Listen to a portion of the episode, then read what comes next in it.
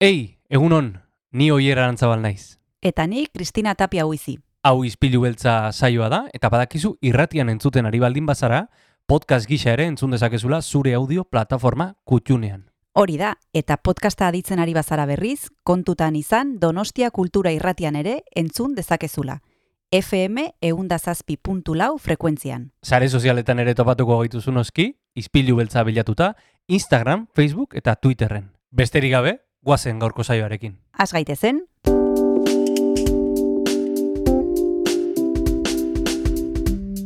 Ispilu beltza.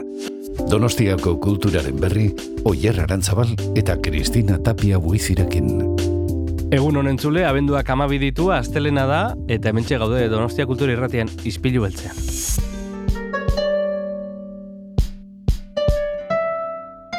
Eta asteragoa, egun hon, Kristina? egun hon oier zer modu zaude? Ba, primeran, primeran, e, egia esan, e, ez dakit ez den kontzeptu bezala, baina abenduko aldapan nago ni. Ez da existitzen ikuste dut, abendua ez da izaten. Aldapa ez da. Ez izaten da urtarrilean, baina bueno, igual guk izango dugu abenduan eta urtarrilean ere. Baita, baita, aldapatik aldaparagoaz. E, tira, espero dugu entzule zurea ere aldapa izate, baina aldapa bera, eh? E, abendua. Guk hemen baditugu hainbat kontu komentatzeko, eta iruditu zaizu, Kristina, aletuko ditugu gaurko saioan zerrentzungo ditugun. Bai, astelena da badekizue eta astelenetan Mikel Iturria gonbidatzen dugu, berak errepasatzen baitu gurekin asteko agenda, kasu hontan hilabeteko agenda errepasatuko du, ze urrengo astelenean ez da etorriko, saio berezi bat daukagulako eta gero ja oporrak gabonak eta bar, orduan lan pila du gaur e, Mikelek eta gainera Jon Maia ekarriko dugu Donostia Kultura irratira, abenduaren amaseian amazazpi, eta amazazpian, arratsaldeko zazpiterdietan tabakaleran e, aurkeztuko duelako bere azken lana eta orain zer e, izena duena, badekizue kukai dantza taldeko zuzendaria dela bera, eta gainera, dantzariaz gain egongo dira e, musikariak Euskal Herriko gazte orkestrakoak hain zuzen ere. Bueno, eh, sekulako proposamenak, beti bezala, eh, donostian luxu hori daukagulako, antzoki ederrak eta programazio ederra, zorionez. Eh, tira, Jon Gartziari pas, pasako diogu testigua, eta hasi da, ila, izpilu beltza. Guazen gaurko saioarekin.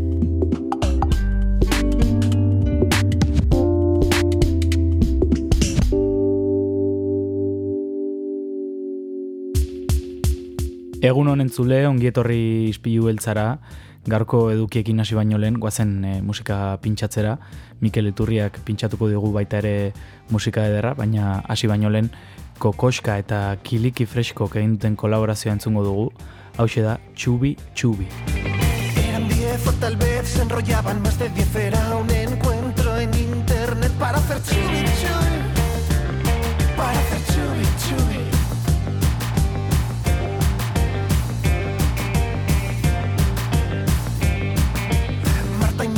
Isabel se extasiaron con Miguel y en el jacuzzi del hotel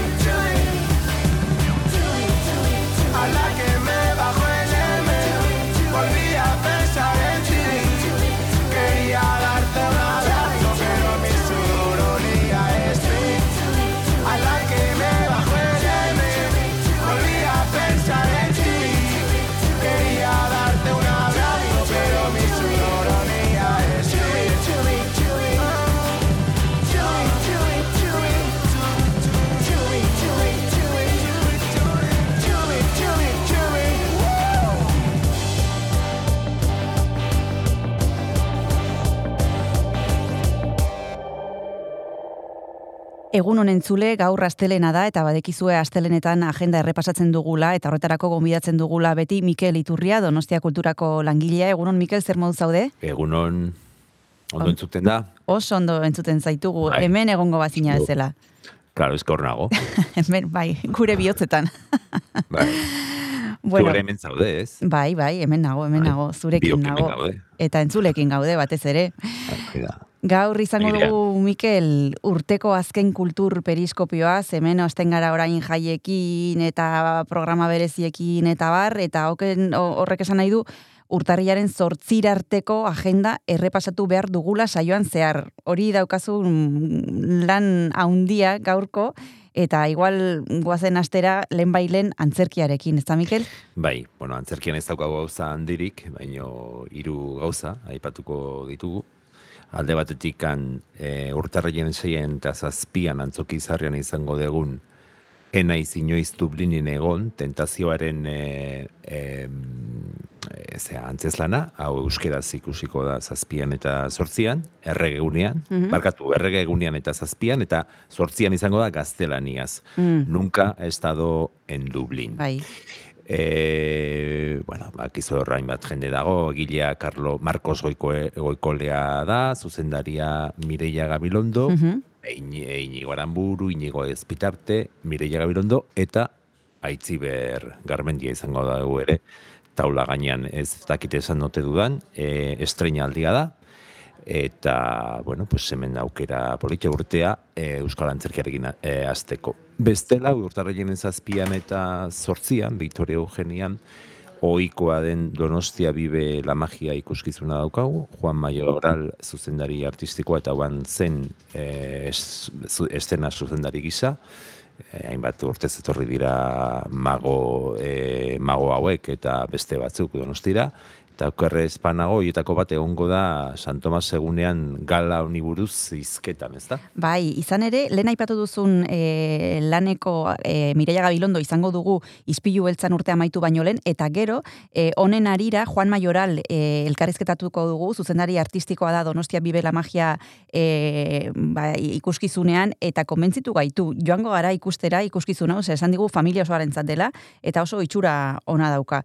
Eta nik ezakit em, dantzan zerbait e, ikus dezakegun egunotan, Mikel? Bai, e, lehenengoa kukai dantza taldea e, daukagu, orain, Bai. eta orain zer, eta us, usteut gaur bertan egongo dela ant, e, Jo Maia, Bai. koreografoa. Bai, koreografoa eta dantzaria izango dugu gurekin e, ba, esplikatzeko zer den eta orain zer, ze izenburua oso bitxia da, eta orain zer ematen du hor eten bat egongo dela edo, baino ikusiko dugu e, ezetz, eta Jon Maia izango dugu segituan gurekin. Vale, pues aberri ez kontatzen duen maiak. E, ikuskizuna esan bezala, e, izango dugu, ostiralean eta egandean, hilak amaz, ostirale eta egandea ez, hilaren amaseian eta amazazpian, ostiralean, eta larun batean, eta bakalerako patioan, kukai dantza taldea eta Euskal Herriko Gaz- Gazte Orkestra.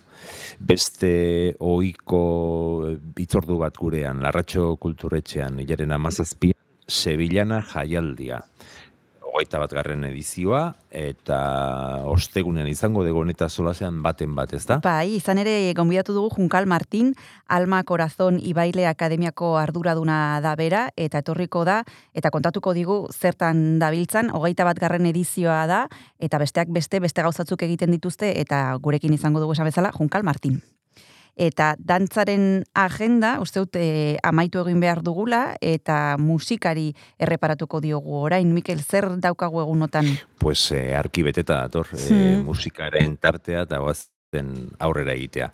Gaur bertan, Okendo Kulturetxean Plus Berrogeita Hamabost programaren barruan, Eresmin abesbatzaren emanaldia dago, programa berean asteazkenean, baina gaztestenan adinduen abesbatza topaketa, zeiterdietan, Ostegunean Loyolan, Christmas show bat, e, nahiaria, eh, nahiaria, barkatu, nahiari, horrela da, nahiari berazategi, Naroa Soro, Sara Grajal eta e, Amaia Garrizek osatzen duten The Spolen Girls musika taldearen, ba, mm, garai bateko ba, gabon emanaldien, iruruiko markadako gabon emanaldien estiloko ikuskizuna.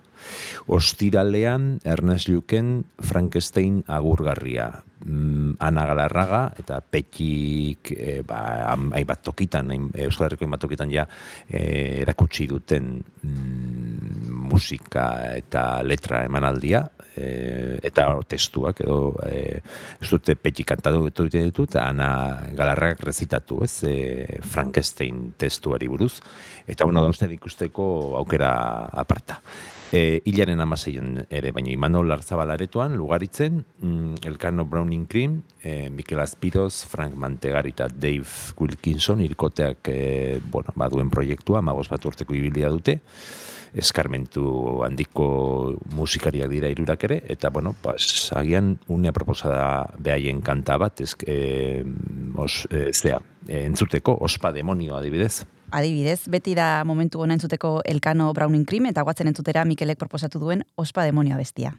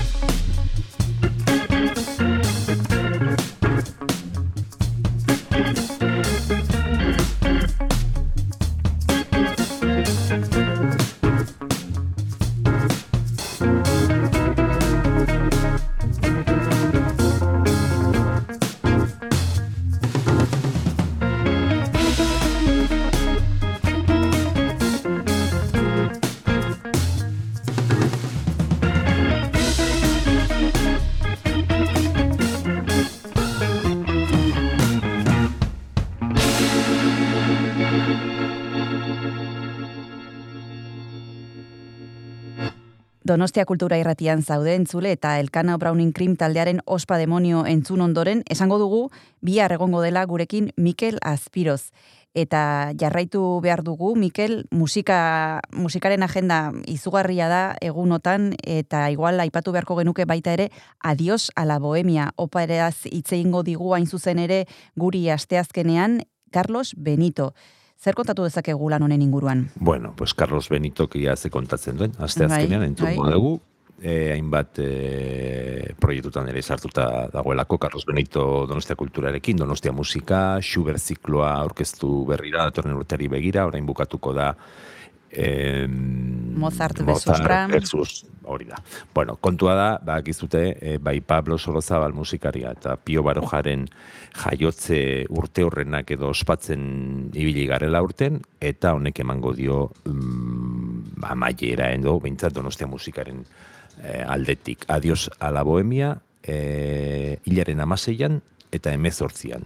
Hau da, ostiralean eta igandean, zazpiterritan Victoria Eugenian, bueno, ba, hainbat, e, hemengo, hainbat e, jende badi, miren Ur- Urbieta Vega, e, Luis Cansino, David Lagares eta Jon Plazaola e, izeneko, bueno, mm, izenak edo izango ditugu, mm, taula gainean, e, musikeneko orkestraren zuzendari lanetan Vitor Pablo Pérez, Ignacio García ere zena zuzendari, eta bukatzeko easo e, abez batza edo obraren parte korala. E, bakizu, e, goan izango dezu, bitxikeriak izako menidea esatea, ba, Rafael Berriozenak eta Jose Rasenperenak ekarri zutela duela hainbat urte, Bai. opera txiki hau Vitoria Bai. Eugeniara Bai, alako gauza, bueno, eh, patere ortodoxoa izan etzen eh, emanaldia. bai, eta okeraz banago beran aurkeztu zuten barojaren etxean, mm, ez- ze memoriak ez badit fallatzen eh, lan Bai. bere garaian, bai. Bai, eh, diskoa, Bai. obra, eh, baina gero mm, oso komplikatua zan, ura guzti hori eh, taula gaina eramatea, Bai, bai. eta batez ere diru, dirua asko Mm. behartzelako. Mhm. Bueno, guazen e, erabate registro aldatzea eta Bai. rolla e, intxaurrondon, a- larun batean, abenduak amazazpi, e, nuevo katezismo katoliko bakizu hamar urte mm, bete dituela estenan, e, eta de kluba zirkuito barruan, intxaurrok e, jaialdia antolatu da, berarekin batera tal, NCC talderekin batera Surfing Chaos, Flash, Stupid Fucking People ere bai. E, musika garaika, garaikidea, ez badima dezu rock and rolla maite, ba, Bertran Txabarria aldrete, Santelmon larun batean egongo da, musikagileak elkartean antolatu, antolatzen duen e, zikloan. Abenduaren hogeita zazpian, altzako larratxo kultur etxean berriro plus berrogeita mabos programako beste zita bat, klub jubi, kun jubilo e, abez batzarena, eta urtea amaitzeko gaztentzako emanaldi bat intxaurrondon, abenduaren hogeita behatzian, e, gabonak zuretzat programaren barruan, foro aldundia eta donostiako gazteria ere tartean daude, freestyle erakusketa bat, gaur egungo freestyler onenak, e, itxuraz, Aigor, Sara Sokas, Inbert Erika dos Santos, eta e, gidatzen, zeremonia magistra gisa labazu e, Mm. arituko da.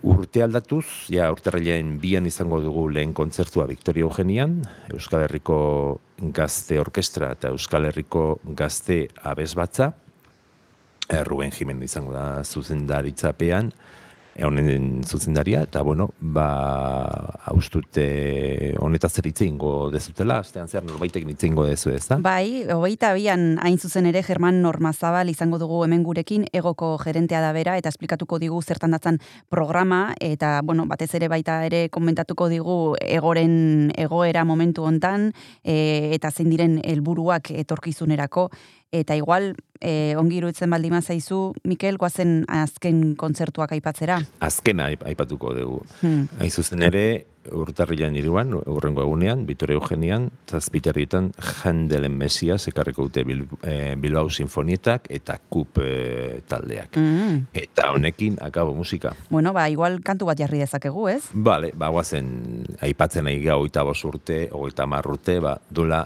eh, hogeita, ia hogeita mar urteko kantu bat, New Orderren Regret kantua, mesedez. Ederki, guazen entzutera.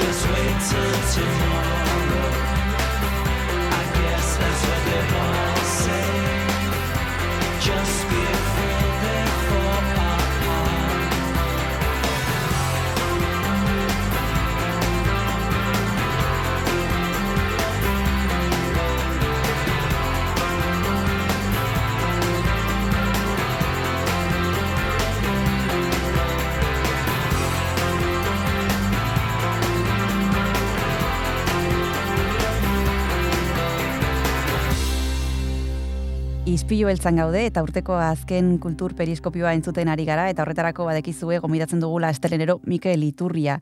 Gaurko bigarren abestia entzun dugu, New Order taldearen Regret e, abestia, eta literaturaren txanda ailegatu da, Mikel, ze aipatuko duzu tarte hontarako? Pues eh, dana pilatu egiten da aste honetan, ez? Badirudi aste honetan dena dagoela, amabiko astean batez ere, eta bueno, bazen aipatzea gaur bertan, e, edu zabalaren gidaritzapean amara berriko ikasbideen mm, solasaldia, edo itxarteren sortaldekoak, E, gaur San Jeronimon The Immortalist e, lanari buruz, Chloe Benjaminen lanari buruz, ez dauka graboskak, e, gidatzen duen ingelesezko solasaldia.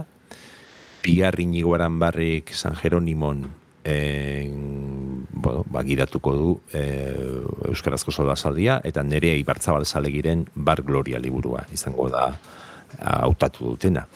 Bihar ere, baina intxarrondo kulturetxean, e, Juan Manuel Diaz Gereñu bila betez behin, ba, gaztelania zegiratzen du, komiki buruzko solasaldi bat, eta orain Borja Gonzalezen grito nocturno aukara, aukeratu dute. Kasaresen asteazkenean, seietan Pablo Simonetiren bidas vulnerables, dinamizatzailea Ana Merino. Asteazkenean Ernest Lluc, eh, Otesa Moshfesen, mi año de descanso y relajación, idatzailea Javier Minada, Asteazkenean zientzia fizioari buruzko solasaldia, J. L. Diaz, Juan Luis Diaz ekegia kulturetxean, giratzen du Orix Ikrake, e, Margaret Atwooden liburua. Aia makiuanen espiazion osteguan, ostegunean aiete kulturetxean, ziterdietan, lantxabe elkartea antolatzaile eta lolarri eta dinamizatzaile, Eta ostiralean, bakizu nola dagoen okendon ugarte otxoa familiaren erakusketa, ba, no, liburu orkezpen badago, e, zazpietan, singladura orkeztuko du Ricardo Ugartek, eta hurrengo astean, Julia Otxoak resurrekziona orkeztuko du e, emeretzian, e, zazpietan. Abenduaren emeretzian ere, lugaritzen Maite González esnalek e, gidatzen duen tertulian landa aldeko neskak, edna obraianen liburua, egun berean migren garmendia frantsesez han ogoman ruz, eh, Manuel Carrereren liburua, eta urtea maitzeko San Jeronimo izango da, e, azken tertulia, baina hori zazpian, Margaret Travelen, un día en la vida de una mujer sonriente, Amaya García, eta beraz, ba, literaturaz gozatzeko, eta irakur zaletasuna pizteko jarduera mordoa, donostia kulturako, bai, kulturetxe, eta liburutegietan ez dago eska, eskapatzeko aukerarik, eh? gauza pila daude, eta halako sorta luzeaten ondoren arnaz pixka bat hartu behar dugu, eta labur, la, eten labur bat e, egin behar dugu, itzuliko gara segituan Mikel Iturriarekin hitz egiten.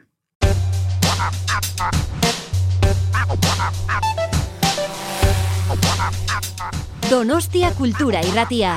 Zabaldu gurekin Donostialdeko kulturaren leioa.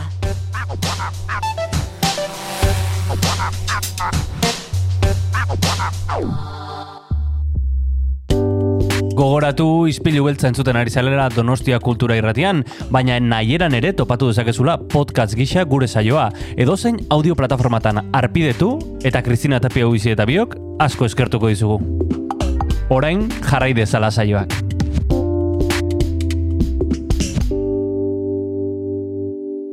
Donostia Kultura irratian gaude eta ari gara asteko agenda. Bueno, asteko agenda ez e, datozen astetako agenda errepasatzen, ze azken kultur periskopioa da hau, urtekoa, eta jarraituko dugu urtarrilean, Mikelekin pix, e, agenda ezagutzen, baina esan bezala, abendua oso, oso, oso beteta dator, eta orain guazen aipatzera erakusketa batzuk, e, zein aizprimarratuko ditugu? Bai, lau aipatuko ditu, ba, mordoa daude, baina, bueno, Donostia Kulturako agendan begiratzeri badaude zer erakusketa daude. Nik aipatuko ditut adibidez lugaritzen dagoen bat Borja Jimenezen Despazio Asombra, mm -hmm. oraintxe bukatuko da azte honetan abenduaren 15 arte dago ikusgai.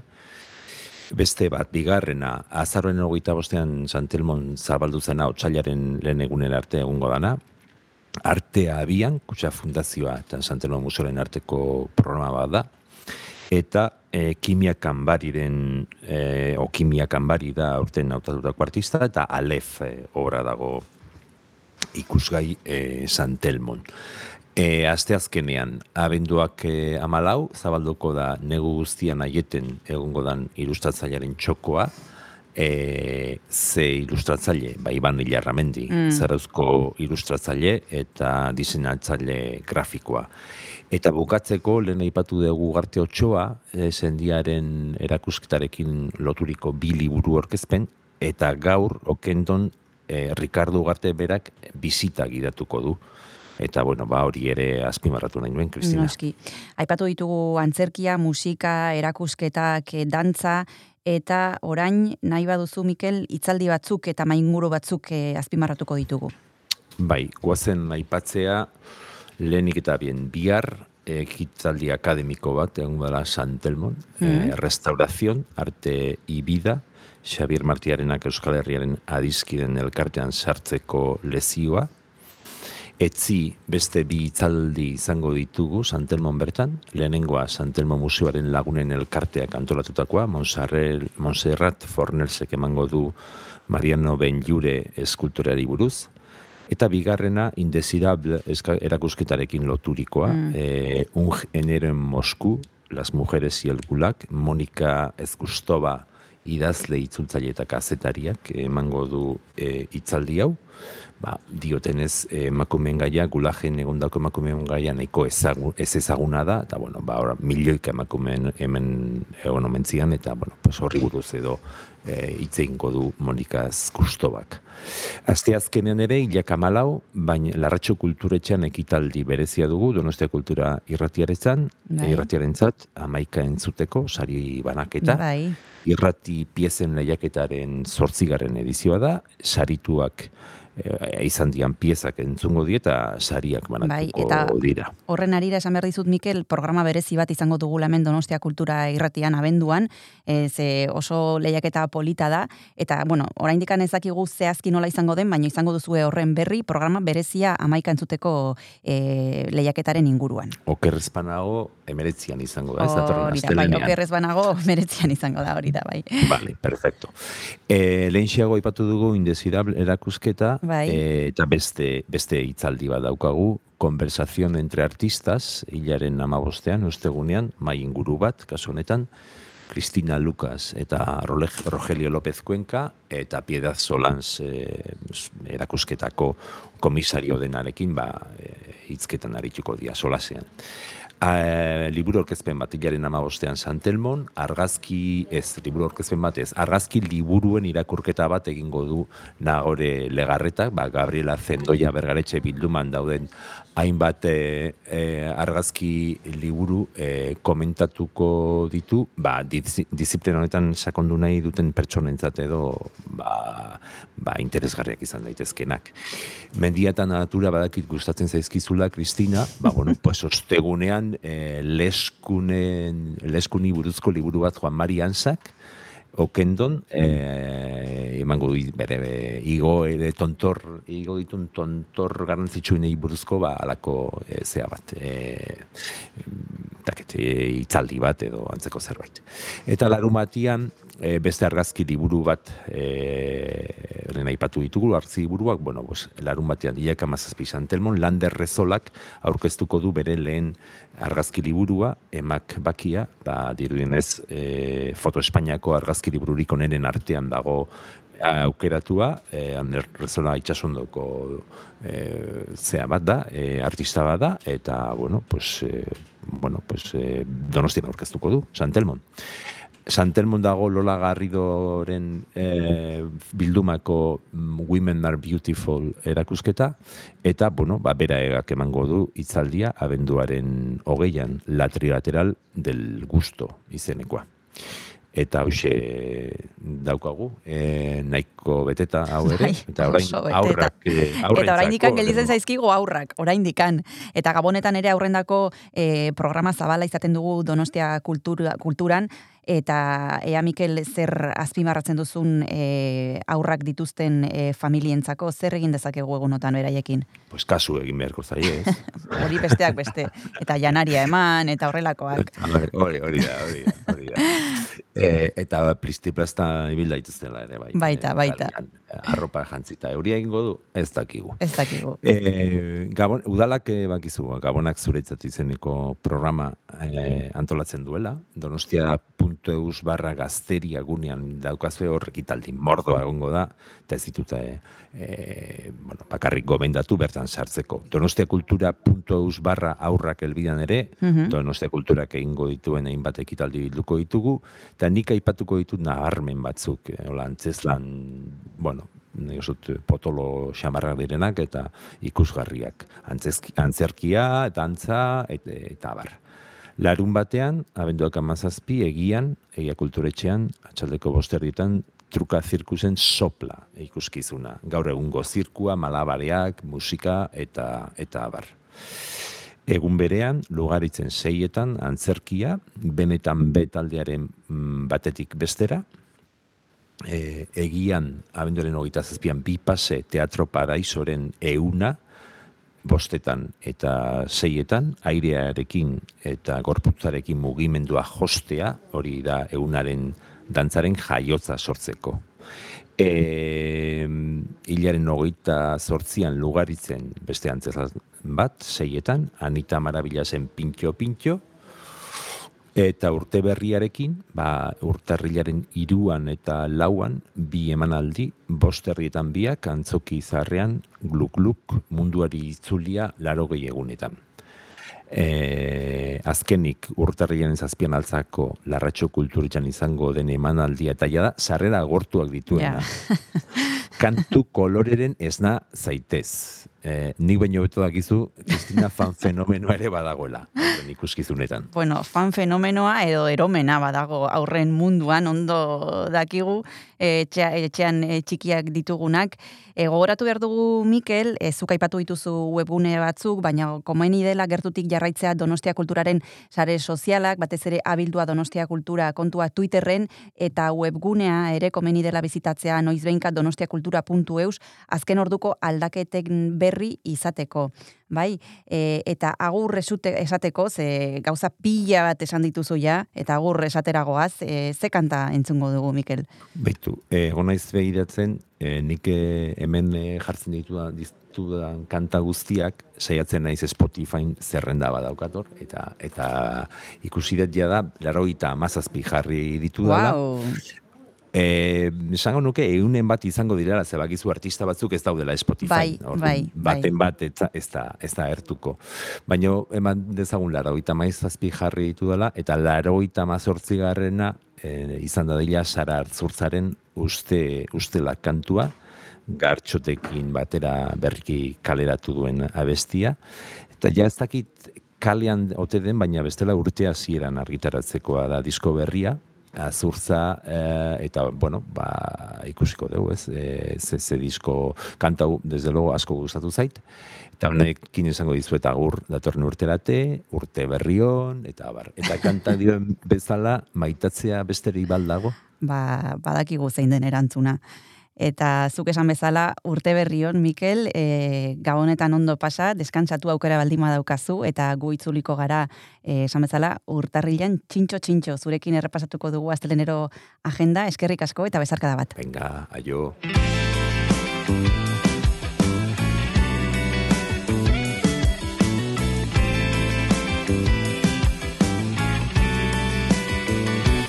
Uste uste zertarako.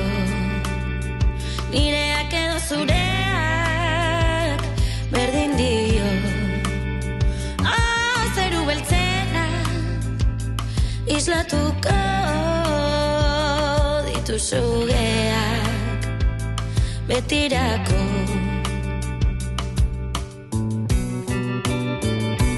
Bide xumeak beti erakutsiko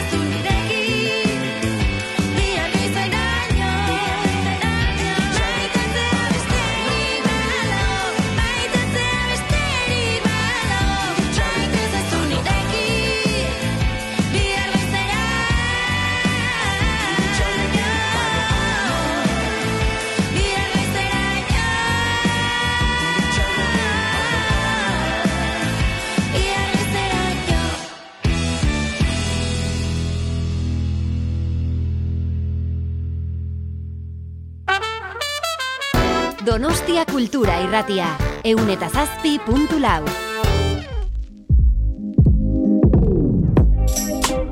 Ispilu beltza. Astelenetik ostiralera, Oier Arantzabal eta Kristina Tapia Buizik zuzendua. Donostia Kultura Irratian. Eta orain zer izena du abenduaren amaseian eta amazazpian, arratzaldeko zazpiterdietan, tabakaleran, disfrutatu izango dugun, dantza emanaldiak, eta John Maia du protagonista, Kristina. Bai, badekizue Jon e, Maiak zuzentzen duen kukai dantza taldeak hogei urte bete dituela, eta antza e, inflexio puntu batean daude, eta horren emaitza da, e, eta orain zer izena duen ikuskizunak oso berezia izango da, jendea mugitu izango delako espaziotik, eta dantzariak ikusiko ditu hainbat ikuspuntutik, gainera Euskal Herriko Gazte Orkestrako kideak egongo dira bertan musika jartzen zuzenean, beraz nik uste dut aukera paregabea dela e, Jon Maia entzuteko. Aukera eta guk ere aukera hori probestuko dugu, jarraian hemen, ispilu beltzean izango delako.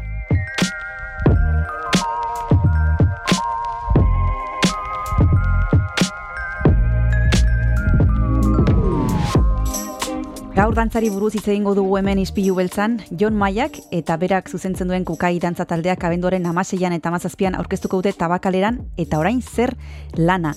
Euskal Herriko gazte orkestrak ere paper garrantzitsua izango du eta horretarako telefonoaren aldean, telefonoaren beste aldean esan dugun bezala, e, Jon Maia daukagu azalpen guztiak emateko. Egunon zer modu zaude Jon? Kaixo, egunon, ongi, ongi, bai. E, aste buruan hain justu ere eta orain zer eginda, joan den aste buruan, eta bueno, orain bestelako lanak prestatzen. Oso ondo, bueno, ba, zer ikusiko dugu lehenbiziko e, nahi nuke galdetu, Jon, zer ikusiko dugu eta orain zer ikuskizunean? Zer prestatu duzue oraingoan? Bueno, nik lehenengo eta behin, nahiko nik duzke ohar pare bat esan. Venga, bota. Eta oiet, oietako bat da, e, ikusle bakoitzak e, ikuskizun diferente bat ikusiko duela. Hau da, orain kontatuko duzuan, e, nagatikan, ba ez dira bi ikusle egongo ikuskizun bera ikusiko dutenak. Eta eta orain zer behin baino gehiagotan ikustetunak ere, ba diro ikuskizun diferente bat ikusiko duela. Hori lehenengo eta behin. Eta zergatik, bueno, ba eta orain zer, kasu honetan tabakaleran e, emango duguna, e, tabakalerako ateak irekitzen direnean, publikoak aurkituko du, ba, bertako patioa utxik. Hau da, ez dago eszenatokirik, ez dago aukirik, espazio libre bat aurkituko du, eta bertan, irureun da berrogeita marrik uste. E, eta bertan, hasiko da ekintza gertatzen. Honen nahi esan, jende artean, denok maila berean, e, izango ditugula, orkestako musikariak, dantzariak, eta ikuskizunak aurrera dijoan einean, espazioak ere, transformazio bat dauka, eta bat, bueno, hainbat gauzak gertatuko dira, baino betire horrela horrek nahi du esan, ba, bueno, ba, ba norbeak ere batzutan aurkituko du bere burua aukeraketak egin beharrean, e, ba, hemen nago edo ara noa, Ah. gelditzen naiz, edo mugitzen naiz. bueno, ba, hori ba, jokuaren parte da, eta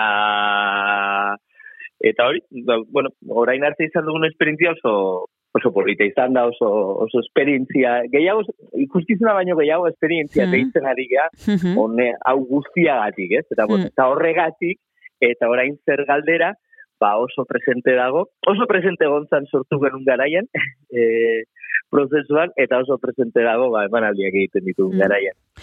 Ez, aipatu duzu, sortu, zu, sortu zenuten e, garaia, noiz sortu zen proiektu hau, hain bitxia den esperientzia hau, e, Jon, noiz hasi zen zuen buruan ja pixka bat e, hau azten? Begira, estrenaldi izan zen abuztuaren amaieran, justu Donostiako musika amabostaldian.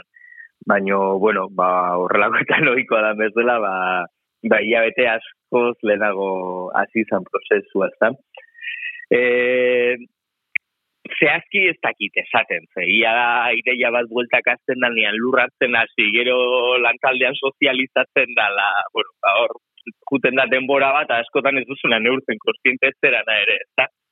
Orduan, eh, baina, bueno, uste eta pikuko prozesua izan da, eh, ja martxan hasi ginenetik, eta, bueno, gainera oso, esan, eh, hasieran, mm, oso pandemia bete-betean izan zen, eta, bueno, ba, horre, ba, auki genituen gure komeriak, zen, bueno, honek zuzentu dauka, horrelako zerbait, bai, ez, gero pentsatu, bai, justu orain egin behar dugu, ez da? E, hain justu horregatik, ez, e, pandemia honen ondoren, e, ez zer ere bai, ez, gure galdetzeko, bueno, horrelako gauza pila bat, ba, oso, bizi izan dugun garaiagatik ere, ba, oso gora beratxu bai. Mm.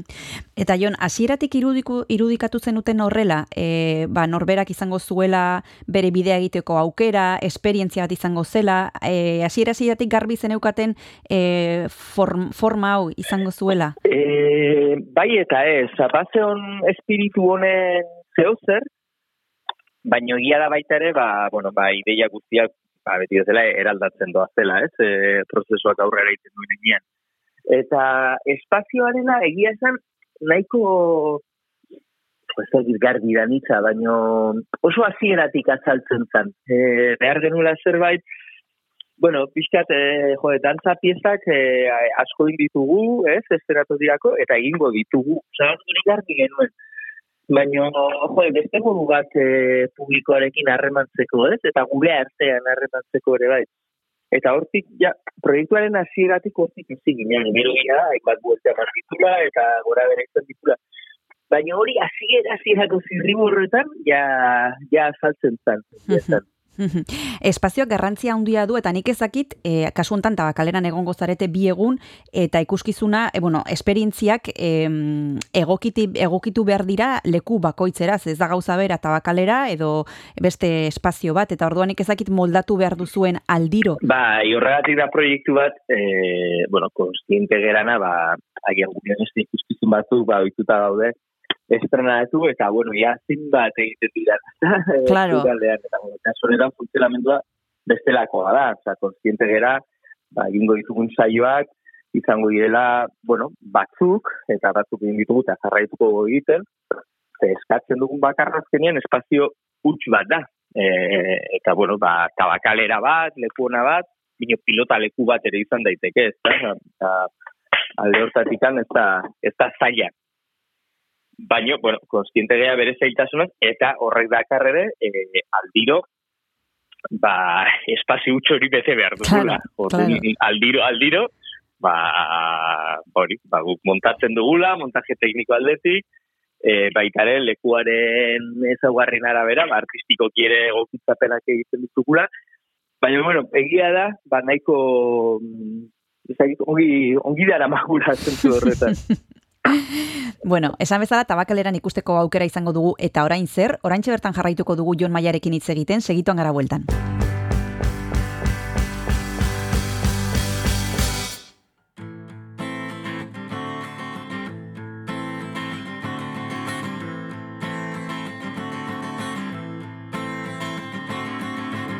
Medication or delusion. Medication all the local grow.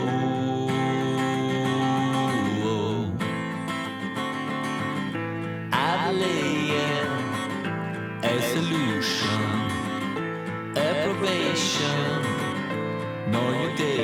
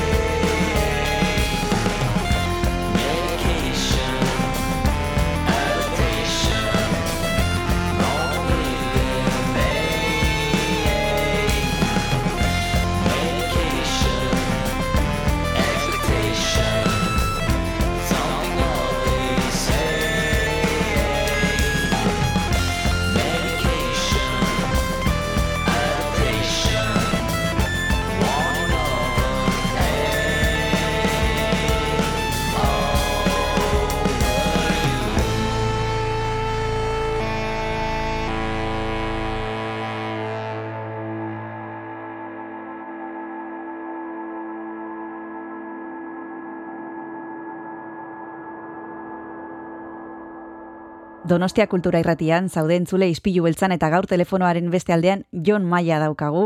E, berak eta bere taldeak aurkeztuko baitute tabakaleran abenduaren amaseian eta mazazpian arratsaldeko zazpiterdietan eta orain zer izena duen nik esan dut hasieran ikuskizuna, baino berak zuzendu egin dit eta esan dit esperientzia. Oso proiektu bitxia delako eta gainera proiektu hortan parte hartu duelako Euskal Herriko Gazte Orkestrak. Jon, kontatu guzu ze papera izango duen e, orkestrak zuen zuen esperientzia honetan. Jo, ba, bueno, bere, bere bizikoa, ez? Orkesta ere eh, prozesuaren hasieratik, ez? Eta lehenengo aldiz orkestarekin topo egiten dugunean, ze kideak ere askotan aldakorrak dira, ensaioetan, e, esaten diegu, bueno, mm, kaixo egunon orkesta, baina, bueno, ja esperate orkesta bat, hemendik aurrera.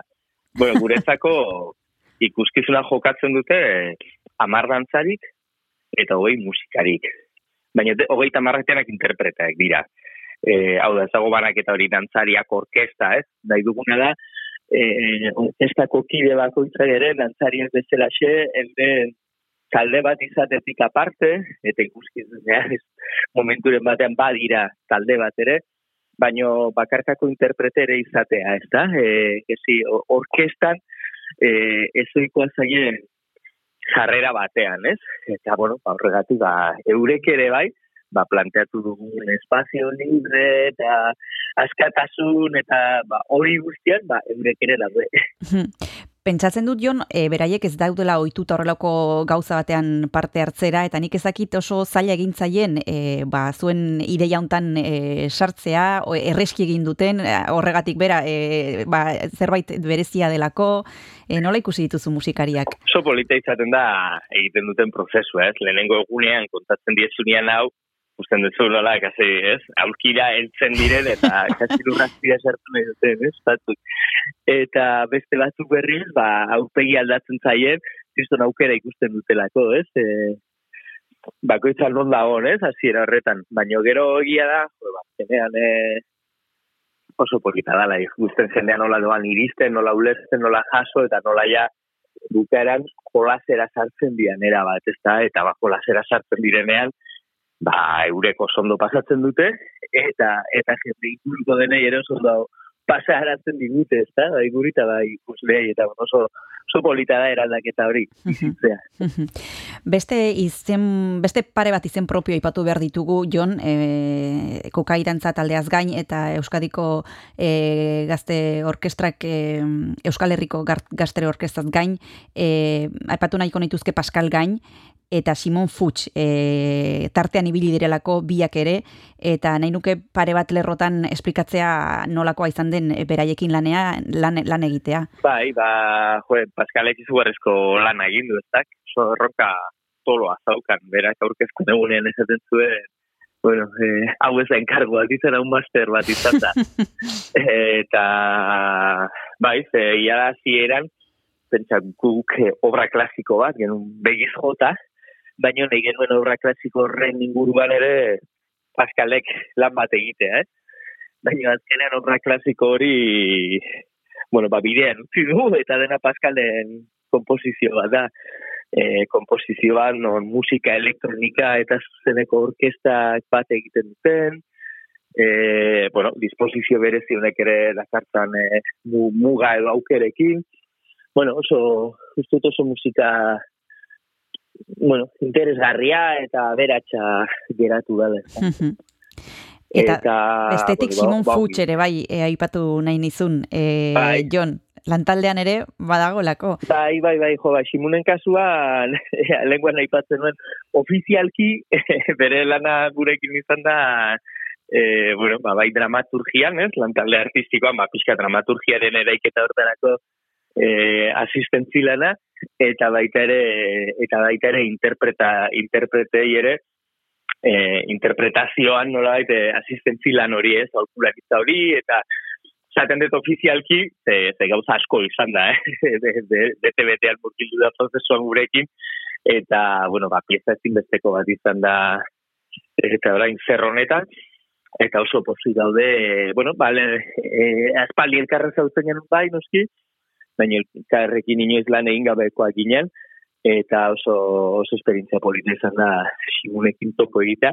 Eta nik hirugarren izen propio bat gehitu nahiko nioke honi, Venga, ba, bueno, David Bernuez, Bai. eh, argiztatzailea, bai. eh, bueno, guretzat ohikoa da berekin lan egitea, baina egia da, ba, proiektu honetan espazioaren en transformazio eraldaketa eta bueno, argiztapenak izugarrizko garrantzia daukala, eta bueno, kasu honetan bere bera da argiztapenaren egilea. Ba, ongi iruditzen baldin zaizu, bigarren atxedena hartu behar dugu, eta orain bertan jarraituko dugu, eta orain zer proiektuaren inguruan hitz egiten. a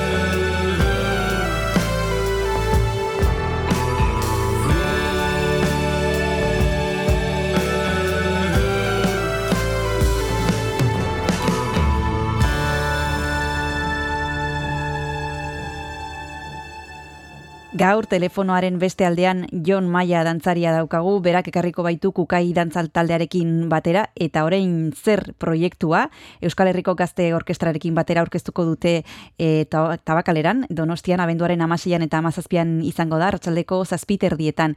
Izenak Jon badu inflexio e, puntuaren ideia hori ez, eta orain zer, eta, eta orain zer, e, nik bere pentsatzen nuen kukai dantza tandearen ez, ematen du ari zaretela jartzen puntu bat, et ezakit puntu segido den, puntu aparte den, e, zuen ibilbidean e, ikuskizun mordoa egin dituzu, eta nik ezakit honek ze suposatzen duen zuen, ibil, zuen bidean. Jo, bagia da, e, e, proiektu hau etorri dela kukaiko gehi hogei urte betetzen dituen e, urte berean, ez da? Eta, bueno, izan da momentu batean galdetzeko ere bai, ez? Bueno, hogei urte, eta gero eta orain zer, ez da? E, baina ez modu, zagit, e, bueno, oso modu baikorrean, ezta? Hmm. Bueno, hau dena egin dugu, asko geratzen zaigu egiteko, zalantzei gabe, baina, bueno, orain zer egiten dugu, ez? Eta jo, lehen aipatzen nuen ere, bai, azkenean, oso garaipetral batean azten gera, ez da, pandemia baten ondoren, non zarezu, az, buelta pila deman dizkiogula, ez? Nola izango dira emanaldiak orain, jendean nola erremanduko da, bildurra egongo da, ez, gogotxu, ez, hobeak, egi, at, e, hobeak aterako gera ontatik, egia da, ez, bueno, gauza guztia hauek, ez. Eta, bueno, eta galdera hortatik, ez, e, abiatu ginen, eta gero pentsatu beno, jo, ba, ba ikuskizuna bera, proiektua bera hartzen ari zan formagatikan, ba, baukaz, bazaukala zentzu bat ere e, manaldien askotan errepikatuko zen galdera hau. Eta, baina, bueno, garbi daukat, eh? Kukairen kasuan, bueno, ba, azkenean eh, horrelako efemerideak ere askotan balio dute, ez? Barrura begira, eta, bueno, ez? Eh, Zer egin dugu, ze izango dira urrengoak, baina naturaltasun osoz, eh? E, orain bertan ja, pues, aurra begirari gera, bestelako proiektuetan, eta, bueno, ba, momentu hontan hau atera da, horrela atera da, eta aurrerantzen jarraituko dugu lanean bestelako gauzatan. Mhm. E, beste proiektu batzuk aipatu dituzu, jonik ezakit, e, orain honekin zaudete buru belarri noski, baino a, e, artistak beti izaten duzue, e, beste zerbait, ezakit nik kasu hontan dagoen kajoian, edo oraindikan buruan, edo ja dagoen maigainean, ze beti zoazte e, pausu bat aurrerago, norbaitek ikusten duenean zerbait jazuek zaudete urrengoan e, pentsatzen, eta nik ezakit zuen kasuan zer, zerbaitetan Ba, ari askotan- zareten.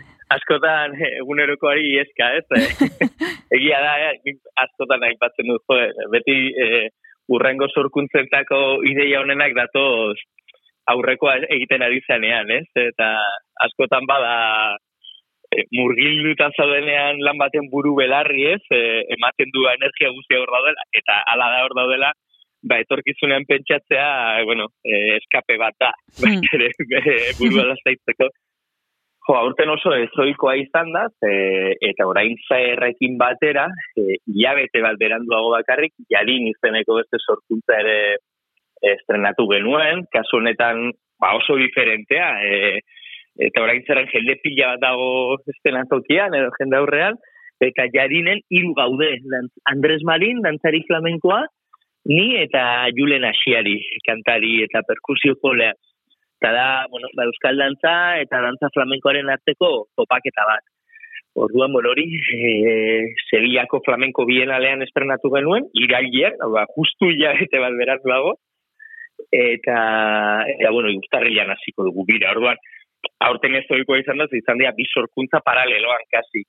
Eta, bueno, sopozik, ongi atera dira, aurten konstiente gara oso exhibizio urte bat izango dala, da lan hauek erakutsi egin behar direla, gehi aurretik egin baina, bueno, egia da baita ere, e, urrengo proiektuak, ba, buruan bai, eta mai gainean jartzen ere bai, hasi direla. Aipatu duzu, Jon, eta bukatzeko em, kukaik hogei urte betetzen dituela, eta batzuetan horrelako urtemo, urtemugek balio dute ba, atzera begiratzeko, eta ez dakit pausatzeko denbora izango duzuen, ze esan duzun bezala lanak erakusteko urtea izango da, e, baina nik ez dakit atzera egiten duzunean, eta pentsatzen duzuenean e, nola izan ziren zuen hasierak duela hogei urte, e, esaten duzun, ostras, hau dena egin dugu, edo sentitzen duzuen e, bidearen hasieran zaretela oraindik. Jo, ba, bitu, hogei urte horrek ematen duen arekin, ez? E, Hmm. alde batetik esarezu ja adinez nagusia eta, ez? Eta, Bai. ez? Ondua, eta bestetik hogei urteko gaztetxo bat, ez? Ni, bai, askotan sensazio dut, jo, ba, e, lanbide honetara iritsi berriak gehala, oza, ez, e, gaztetxo hoien tankeran, ez, e, hasierako gaztetxo hoien tankeran ikusten dut gure burua. Baina gero bestetik behiratzen duzu, eta errepasoa egiten duzu, eta ez ostras, gauza asko pasadira, denbora asko pasada, eta gauza egin ditugu, ezta? Bi sensazioa, bi sensazioak ditut. Egia batzutan, atzera behiratzen dut, eta gazi miraritxoa iruditzen zait, ezta? Nola, ba, euskal dantza tradizionalean ari ginean zazpi gaztetxo, bentsa, ni hogeita iru, hogeita lau urtekin, eta besteak amasei amazazpi urteko nire ikasleak zirela gara horretan, ba, horrela hasi, eta azkenian ba, ba konpainia profesional bat bihurtu eta egindako lanak kolaborazioa este jenderekin dugun lan egiteko aukera, zer, ostras, pues, kasi, mirari bat iruditzen zait, ze, hasiera horretan, ez da proiektatzen ez duzun zerbait da, da, ba, nahi galdetzen dira zuen dela amar urte ere, ja ez hogei, ez amar urte ere, eta nizuke esango ontazitzeiten aituko ginean, ze, segurazki momentu horretan ez genuen kapazitatea, ez da ura imaginatzeko ere. Baina era berean, sensazio gat hain natural gertatu dela dena, ba, urrats bakoitza eman dela, ba, ba eman behar txalako, oza, hortara eramaten gitun egoerak, ba, ba erresa, erresa edo naturala natural gertatu denaren sentsazioa daukat. Ba, ea horren natural jarraitzen duzuen e, Jon Maia eta beste hogei urte eta gehiago betetzen dituen e, kukai dantza taldeak. Momentuz guk entzulei esan aldiegu abenduaren amaseian eta mazazpian eta orain zer ikusteko aukera e, izango dutela. Ikusteko eta sentitzeko ere bai, ez? E, esan duzu esperientzia bezala planteatu duzuela proiektu hau eta itxura ederra dauka. Gainera bertan entzungo al izango dituzue e, Euskal Herriko Gazte Orkestrako kide batzuk zuzenean musika jotzen. Eskerrik asko, e, Jon Ispilu beltzara urbiltzeagatik, e, zorte hon proiektu honekin eta gainontzeko guztiekin, eta urrengo arte bezarkada bat. Eskerrik asko zuei, eta hoxe, bakar bakarrik esan, e, erabakiak hartzeko bildurrik joan da dila jendea, e, bildurrak usatzeko, dena oso arrunta dela, eta inork ez duela dantza egin beharko, adibidez, hori dela beldur klasiko bat. Eta, bueno, ez, e, ikuskizuna zutik e, jarraitzeko modukoa dala, orduan mugikortasun arazoak diturak, ba, jakinera zizake aurretik, eurkitxon bat edo izateko, edotan norbeak ere eraman dezake berea, arazorik gabe, eta bere, eta mugitu Ederki, ba, pare bat apunteiek esan da, agurtuko dugu Jon Maia, eta esango diogu urrengor arte, Jon. Ba, zondo, eskerrik asko urren arte. Zuria, jo.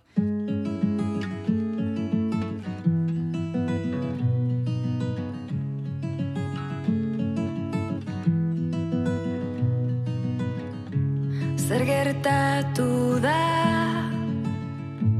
Atzo arte dena zen eder biok nora ezean gaur.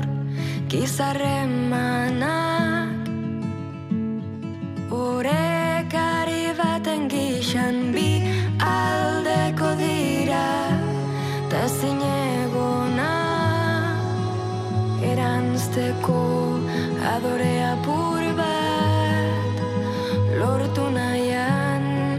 ausardiaz lehen aldiz lehen etxinaiz askok tira ginarren horreka mantentzea da hemen maitasunean gako. Baldintzari gabe man jaso nahi genukenaren eredu izan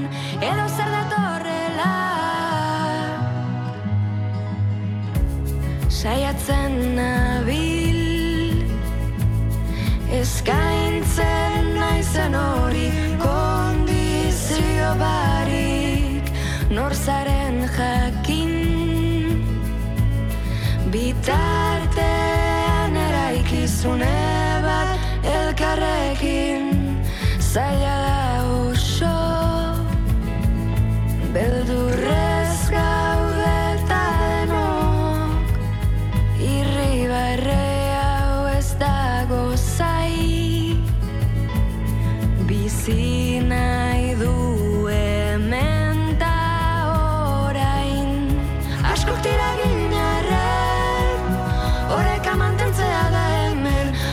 maitasunean gako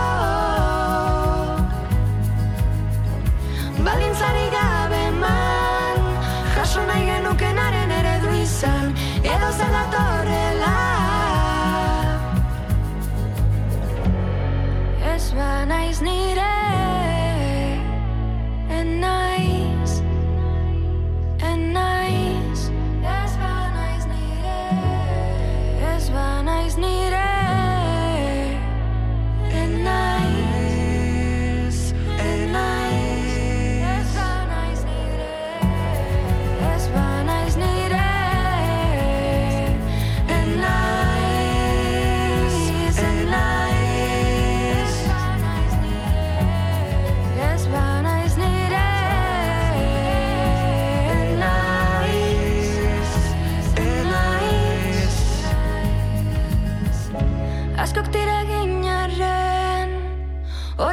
mantentzea da hemen Maitasunean gako. Balintzarik gabe eman Beste motxilekin ulerkorra izan Zainduz norberarena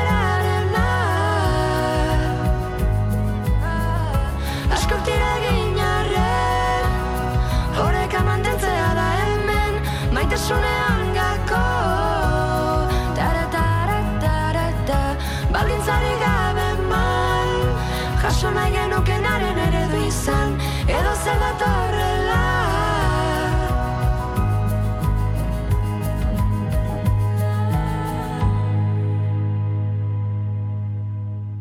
Amaitu dugu abenduaren amabia, amaitu dugu astelena, eta honen bestez, aste arteari behire jarriko gara, ba, zerrendatuz bihar zer izango dugun izpilu beltzean. Bihar musikari batekin egongo gara, oier, Mikel Aspirozekin, e, bera da Elkano Browning Cream taldearen alma materra, esan dezakegu, eta gonbidatu dugu, ze abenduaren amaseian kontzertu eskiniko du lugaritzen, eta gainera, zinemari buruz arituko gara, Kresala Zineklubeko lagunekin izango dugu gurekin, Ana Pinel, años, los años de Super 8 e, pelikularen inguruan arituko zaigu. Bueno, luxuzko gomidatuak bihar ere, e, ez dakite mm, zuk entzule, baina nik Mikel Azpidoz gainera asko apreziatzen dut, eta, eta tira, ea, ze kontatzen digun. Mm, Gogoratu, gurekin konektatzeko, astelenetik ostiralera duzula aukera, goizero goizero, Donostia Kultura Irretiaren uinetan, FM eundazazpiputula frekuentzian, eta nola ez, edozein momentutan, zure sakelekoan, zure mugikorrean, zure e, ordenagailuan, audio plataformetan sartu edo irratia.donostiakultura.eu zen, eta bertan podcasta deskargatzeko izango duzula. Hori da, eta nahi izan ez gero lagun artean zabaldu, eta etxaien artean zabaldu nahi baduzu ere, pues, Bai. gu prest. Gu prest, e, txaiekin eta lagunekin aritzeko. Bihar arte oier. Aio, aio.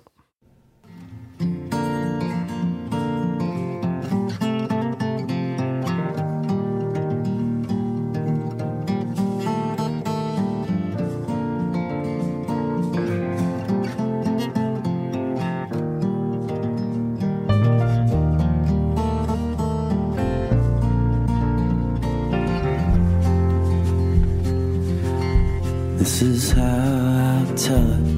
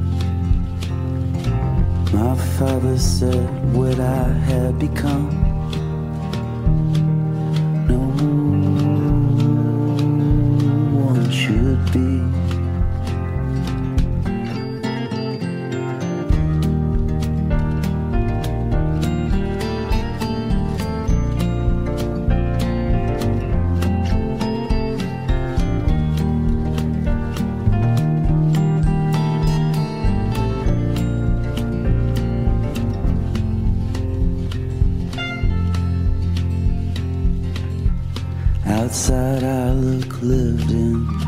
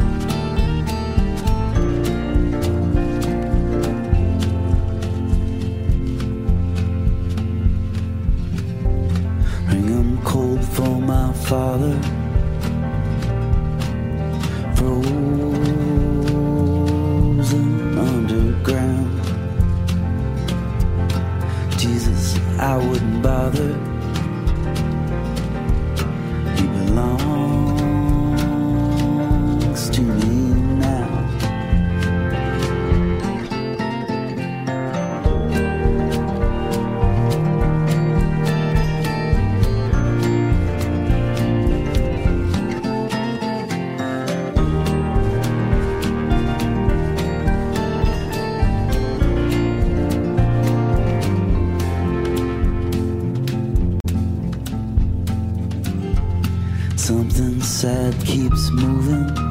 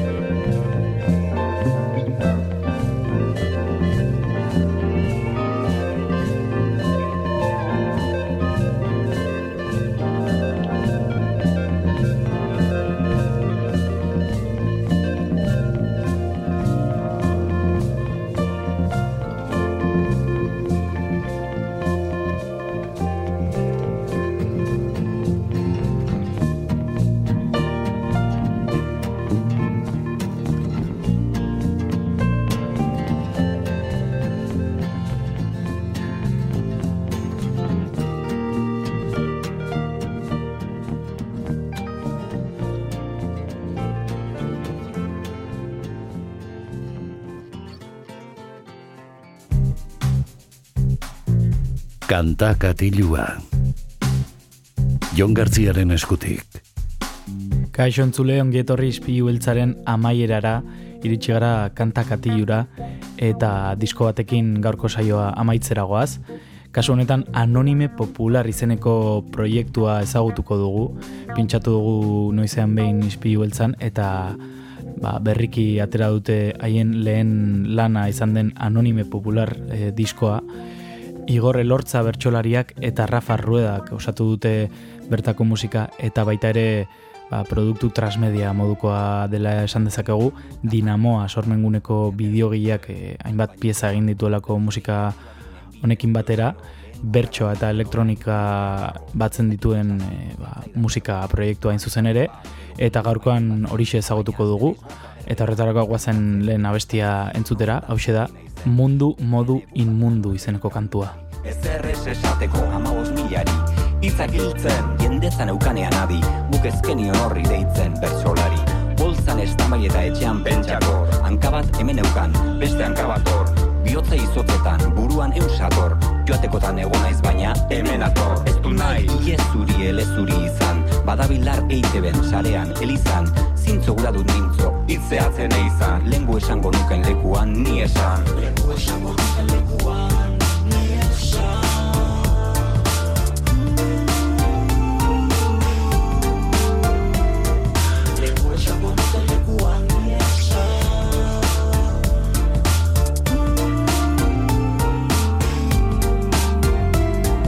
Agian, zeuri ere gertatuko zaizu.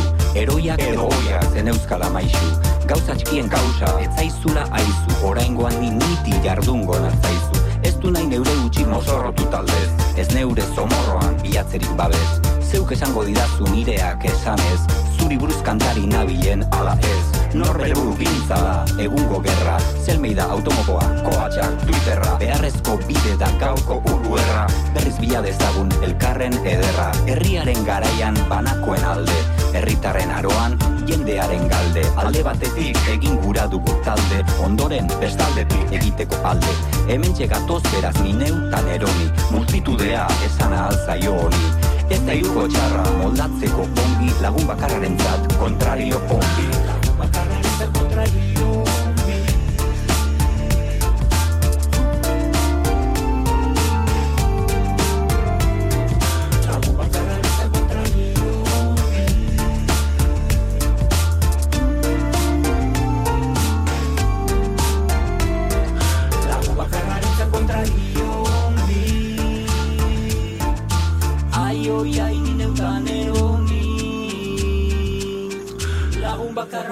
contrario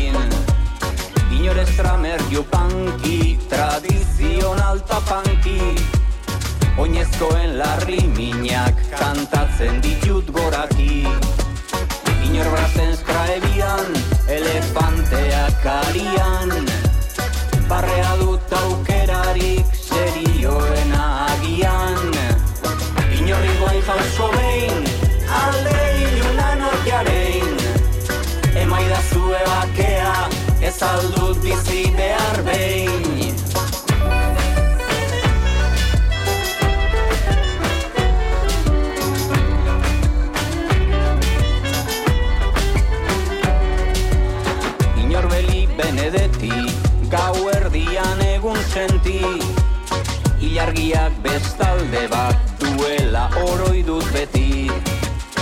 Inor Kristof Karber inguraturik gaizkidez Ez aitain erreza beti jokatzea gizabidez Inor Burkoskik eruak ikusi bako zeruak Ez daukat nik egorik ta ez gara gu aingeruak Inor bostoan ez doikalo, ederatzi mutxori malo. Jardin bat nahi dut margotu, ta bertan egitea lo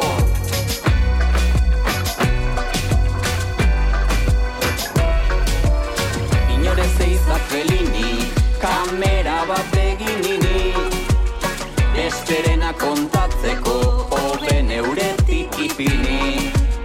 Inor belkizkoki eslauski, Komplexua dena ezin konta dezaketa iroski Inorrean raikuro zaua, aneguna hemen gaua. Ibiliak frogatu dit mundua ez dela laua. Inoran honi popular, zertarako eskatular. Enaiz betiko izango, lehen persona singular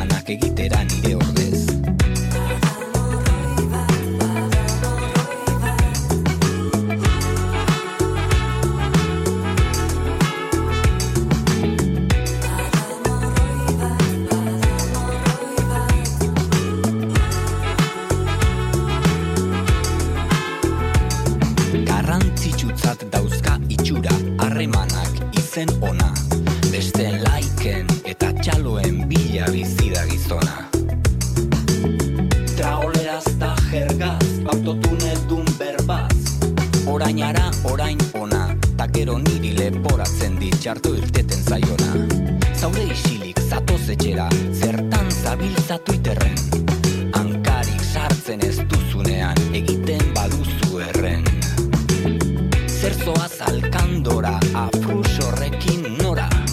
Ta alkazurik ez barren, denen aurrean neure izena erabiltzen duen arren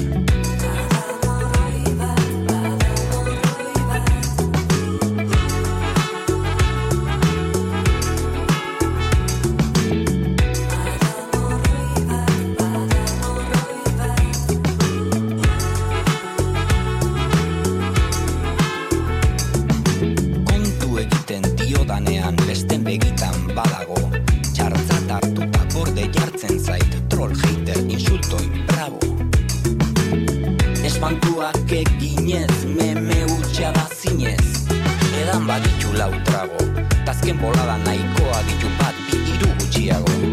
Nire moduko asko zaudete eta beralako fake bana. Orain harritu plantari jotzen, ez etorri nire gana. Zeuena da, aizue, maitatu ezazue. Ez da ezin eramana, ta zeuek euki dezazuela plagioak ez daukana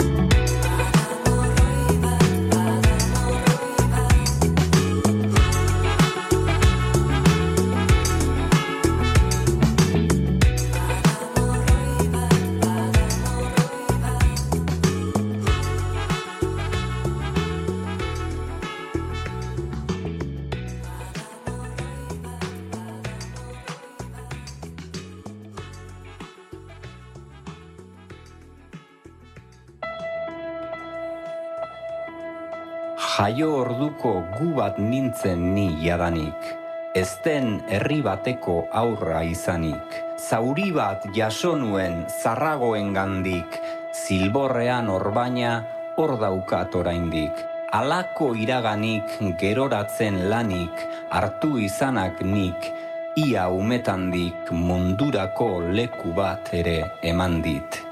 Oparitu zidaten berba tamargoa, asmatzeko mundu bat ederragoa. Nera bezarorako banuen bandoa, litezken utopia denen arragoa. Aurkari saldoa indartsuagoa denean dadoa, dida dudandoa, aldiro zen gero bat geroagoa. Ez baita dena lore kolore munduan, mapetan marrak jartzen dira guduan.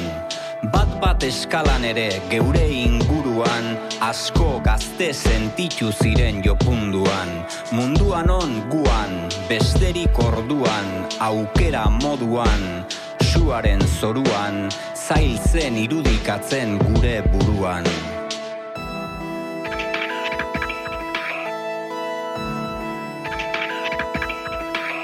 Eta gu ke arteko laino bat izaki, erdirik ezkenuen geuk erabaki. Ezin bestea jarri genuen lubaki, jokatzeraino sorgor eta mendekati. Biotza ebaki, zen zitzaidan zati, tu eta zergati, ekin zalantzati, ahorta moztu nion lehergai bati. Orain ezinezkoa da desikastea, hildakoak, torturak, bombak, kaskea, udal zinegotzia, kaleko gaztea, goizero ikusten ditut ama emaztea. Nahi nuke arnastea, elkarri nahastea, berriro astea, ta ez ahaztea. Behin usaindu benuen aize askea. Hauzia egun ez da Euskadi ala hil. Jendea bestelako grinak darabil. Alere, ekain, ustail, abuztu, irail, kartzeletan amaika zenide badabil. Haien zama zabil berberak narabil. Zenbait bezain abil, eskua urra gambil, ni baino errudunago bila enabil.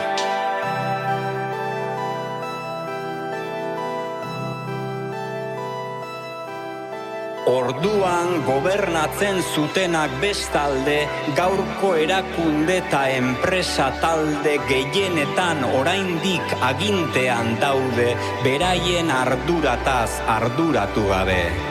Ez berriro galde niri zenbat alde zeuden noren alde eta zer zen debalde, atzo angeunden asko gaur hemen gaude.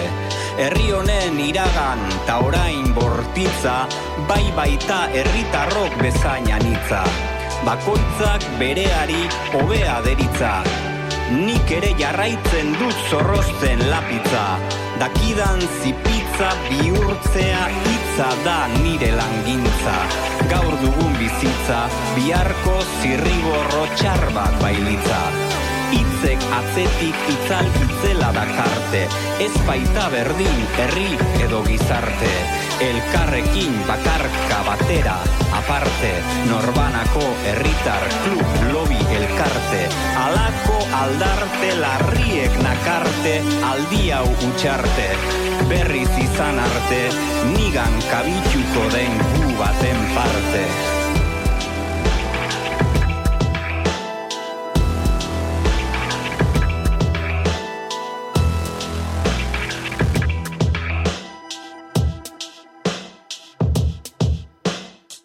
Igor Elortza bertsolaria eta Rafa Rueda musikariak osatu dute musika proiektu hau Anonime Popular izeneko proiektu ederra eta bitxia.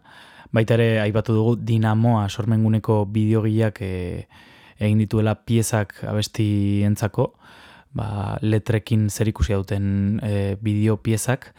Eta esan bezala, elektronika eta bertsoa batzen ditu anonime popular izeneko proiektu honek, Donostia Kultura Irratian entzuten ari garen diskoa, Zart e, kolektiboaren baitan kaleratu duten disko berria, eta tira, orain txentzun dugun kantua izan da, jaio orduko izeneko abestia, eta entzungo dugu urrengoa hau da, baina euk be badakik.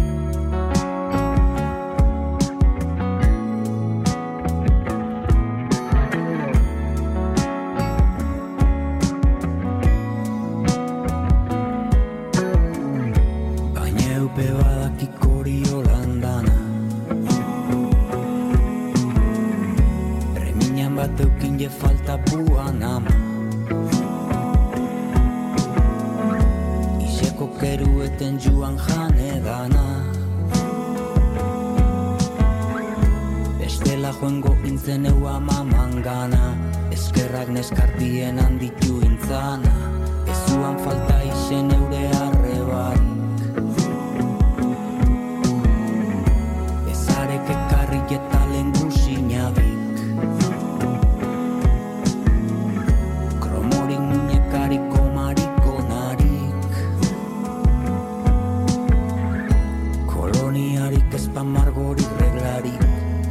Ezintzekea zena horretanak barik Fularro txentero eta koletiratxuaz Burrukaiuan izen bintzen matxuaz. Baloia zezin eta eiuan bertzuaz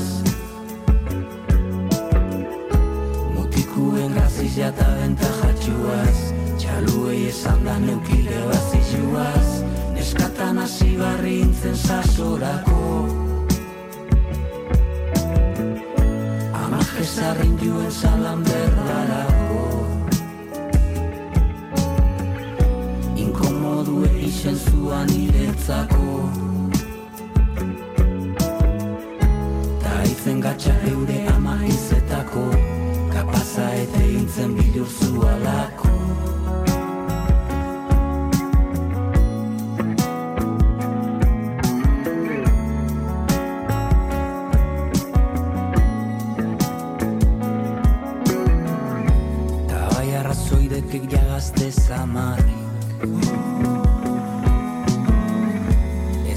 zen ikusten titizek bakarrik. Ez dokure eta ere iminik ezatarrik Baina ondo ikiet edo ezeiki etxarrik Sarri ez dok begitu ondoko negarrik. Ta oin barri zorra birreko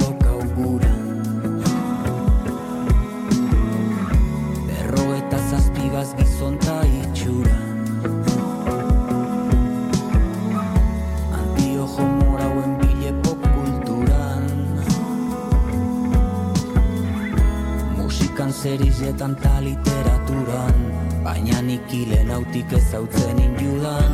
Oba eunke urretik hasi bier bada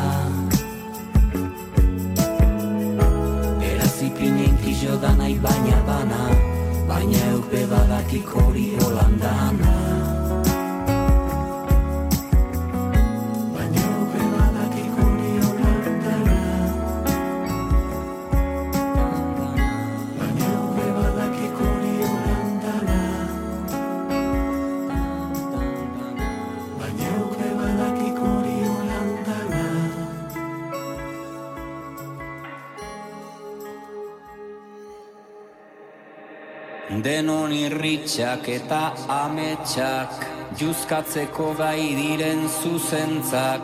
Nor desiratzen duen manesek Tanorekin jolorentxak Ustez dudana nahi nuken arren Gainerako guztientzat.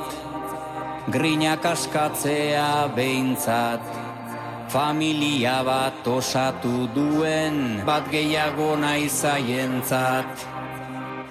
Denon aurrezki eta despentsak, askoren aurren eskaztamentsak, jokatzen ari diren bankuak, gaur erostak biharkentzak. Ustez dudana nahi nuken arren, gainerako guztientzat. Ahora zerreroan behintzat Bere hipoteka ordaintzen duen. Bat gehiago nahi zaientzat.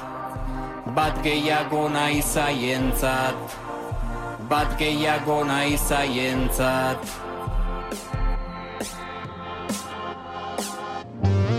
Denon helburu eta zer pentsak.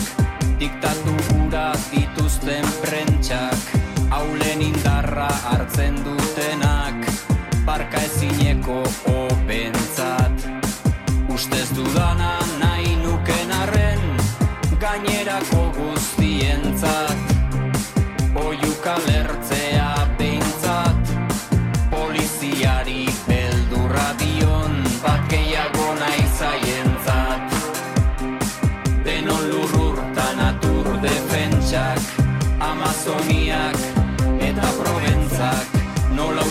ustiatu ebazten duten Tintankak eta gobermentxak Ustez dudana nahi nuken arren Gainerako guztientzat.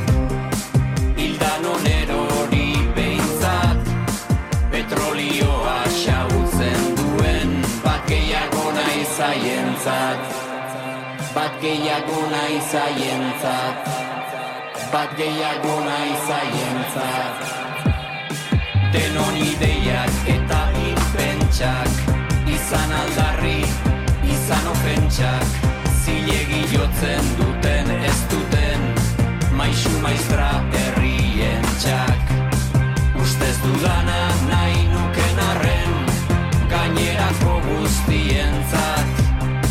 Bozat alta boza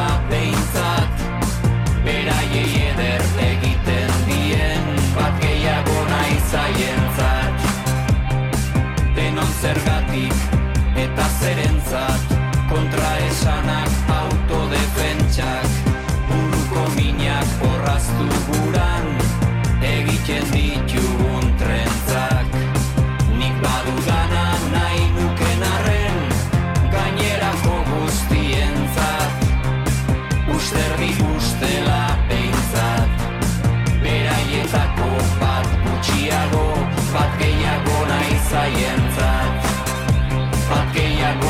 gehiago nahi zaientzat Bat gehiago nahi zaientzat Bat gehiago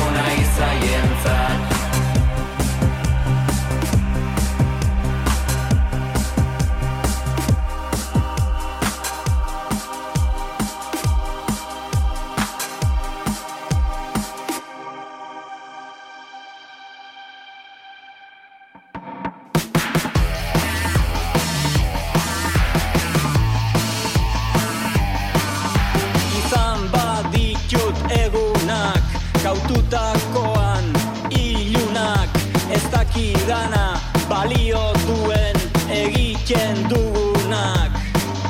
Etxekoak talagunak Direnak ez ezagunak. Ta ez dudana beste leporik eusteko garunak.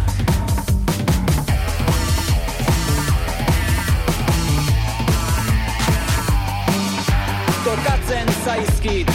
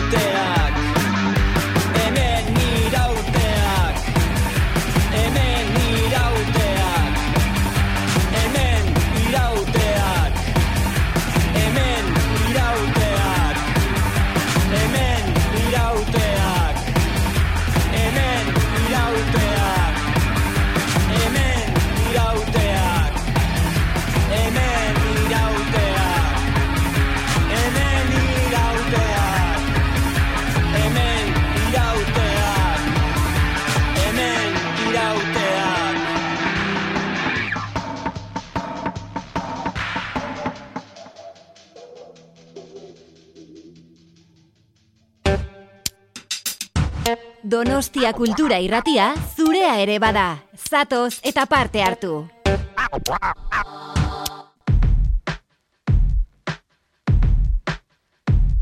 Mundura sortzen lehenengoak izateko ustez ekin Joateko gogo berdina esan amoroto eta pekin Koskegin brinko putz, kilikili, atximur, zupa, txumpletin Den dena pozik egingo nuke berriro ere zuekin.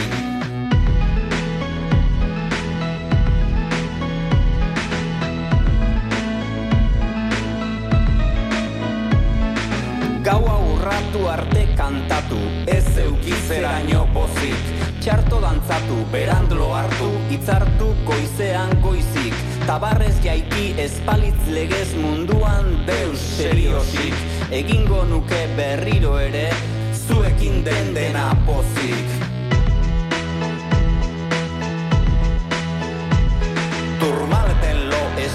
estelbio jaitsi eta alpe du ezigo Bazkal orduan kanpingasean pasta egosi astiro. Bekira egon gauez milaka izar argitu aldiro Den dena ere zuekin pozik egingo nuke berriro.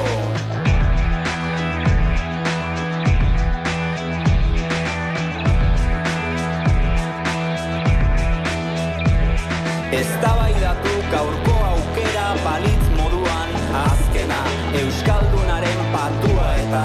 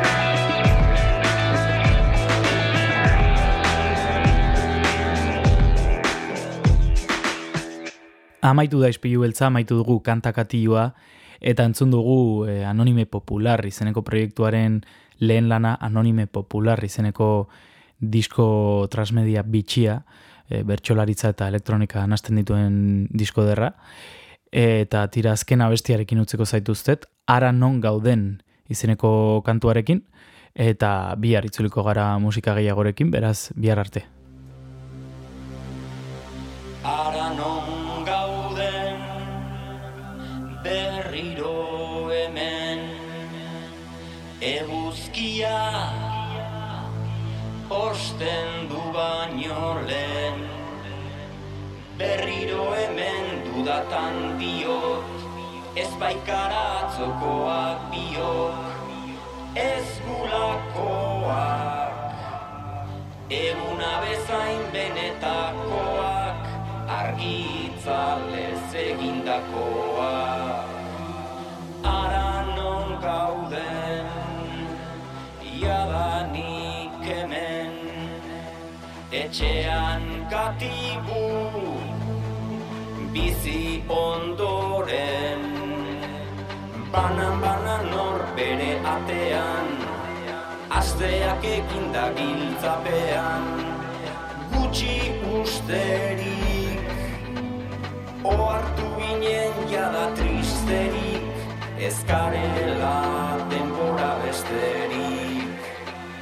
Ara non gauden oraindik hemen. Geure buruak bilatzen gugelen aurkitzeko kiep hemen siria gizamortua eta iliria basa loirik loi gorputzean sartu zaigu denoi bizileku bat garela doi doi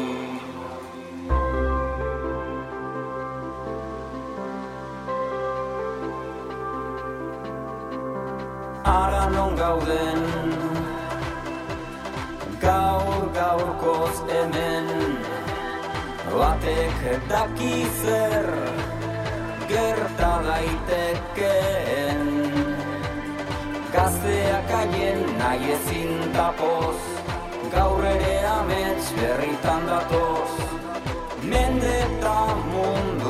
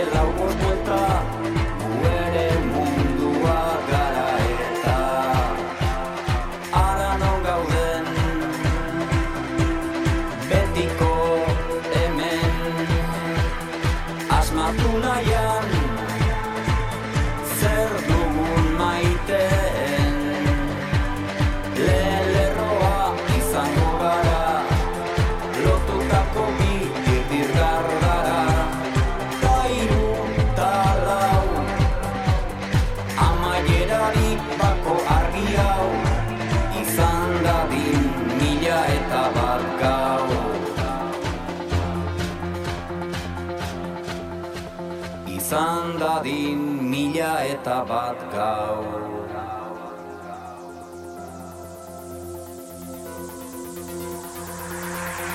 Hemen gaude